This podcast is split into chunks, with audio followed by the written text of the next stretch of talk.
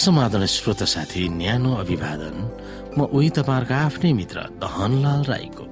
श्रोता साथी आज म तपाईँको बीचमा बाइबल सन्देश लिएर आएको छु। आजको बाइबल सन्देशको शीर्षक रहेको छ घाइते खाऊ।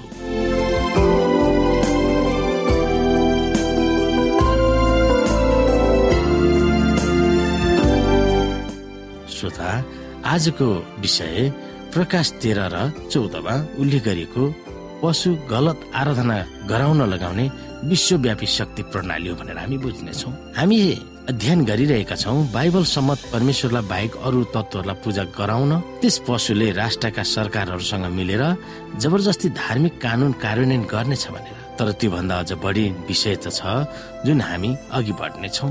विगतको शताब्दीमा त्यस पशुको शक्ति वा रोमन क्याथोलिक चर्चले धर्मको नाउँमा कति वर्षसम्म मानिसहरूलाई दमन गर्नेछ भनेर हामीलाई बाइबलका केही पदहरूले छर्लङ्ग बनाउँदछ। आउनु श्रोता प्रकाश तेह्र अध्यायलाई हामी हेरौँ प्रकाश तेह्र अध्यायको चार र पाँच। मानिसहरूले अजिङ्गरको पूजा गर्दथे किनकि त्यसले आफ्नो अधिकार पशुलाई दिएको थियो।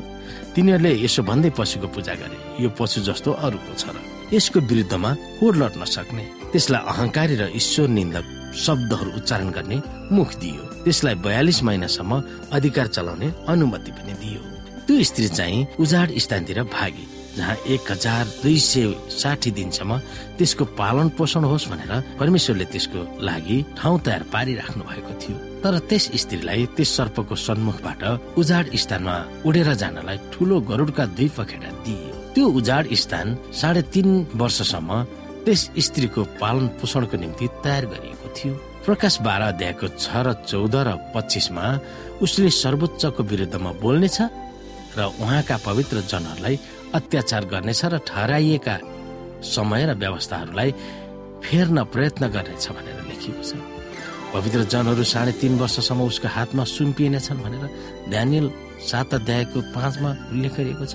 पशुले आफ्नो बिग बिगी इतिहासको अन्तिम समयसम्म चालिरहनेछ भनिएको छ।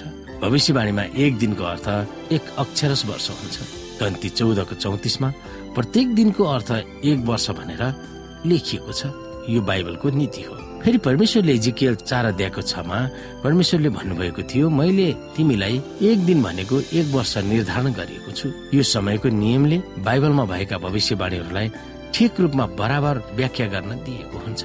दानियल नौ अध्यायको चौबिसदेखि सत्ताइसको सत्तरी हप्ताको भविष्यवाणीको व्याख्या गर्न त्यही नियम लागू गरिएको छ। प्रकाश तेह्र अध्यायको पाँचमा उल्लेख गरिएको बयालिस महिनालाई हिसाब गर्दा बाह्र सय साठी भविष्यवाणीका वास्तविक दिन वा वर्षहरू भन्ने बुझाउँछ।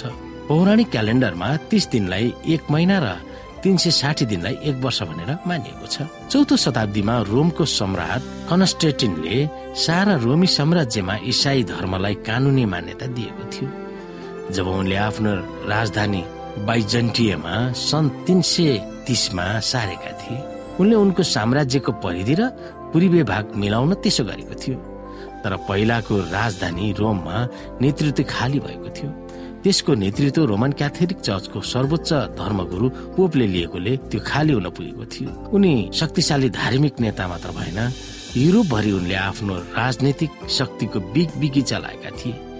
रोमको सम्राट जस्टिनियनले सन् पाँच सय अडतिसमा पोपलाई आधिकारिक रूपमा बिशपको उपाधि दिएका थिए। त्यसको अर्थ रोमन क्याथोलिक इसाईको धर्मको रक्षक उनलाई बनाइएको थियो। मध्यकालीन युगमा रोमन क्याथोलिक चर्चले बाइबललाई मात्र विश्वास गर्ने इसाईहरूमाथि जबरजस्ती प्रभुत्व जमाएका थिए। यो अवधि सन् पाँच सय अडतिसदेखि सत्र सय अन्ठानब्बेसम्म रह्यो। त्यस अवधिमा रोमन क्याथोलिक चर्चले करोडौं बाइबल सम्मत इसाईहरूलाई भयानक सतावट दिएको थियो। अनि फ्रान्सको सम्राटको सेनापति बर्थरियरले पोपलाई सन् सत्र सय अन्ठानब्बेमा बन्दी बनाए यसले भविष्यवाणी ठिक समयमा पूरा गरेका देखाउँदछ। बर्थियर र उनको सेनाले पोप पायस छैठौँलाई युद्ध बन्धक बनाएर आधिकारिक रूपमा उनलाई रोमको पोपीय सिंहासनबाट अपदस्थ गरिएको थियो। रोमन क्याथोलिक चर्चको निम्ति त्यो ठुलो धक्का थियो। तर प्रकाश तेह्र अध्यायको बाह्र अनुसार मनानसन्न घाउ निको हुनेछ भनेर भविष्यवाणी गरिएको छ।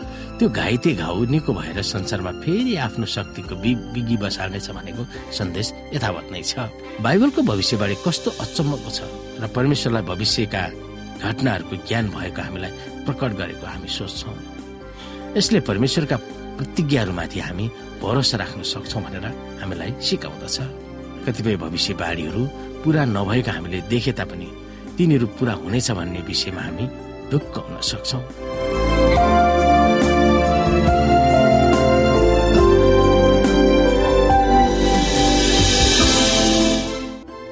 साथी आजको लागि बाइबल सन्देश यति नै।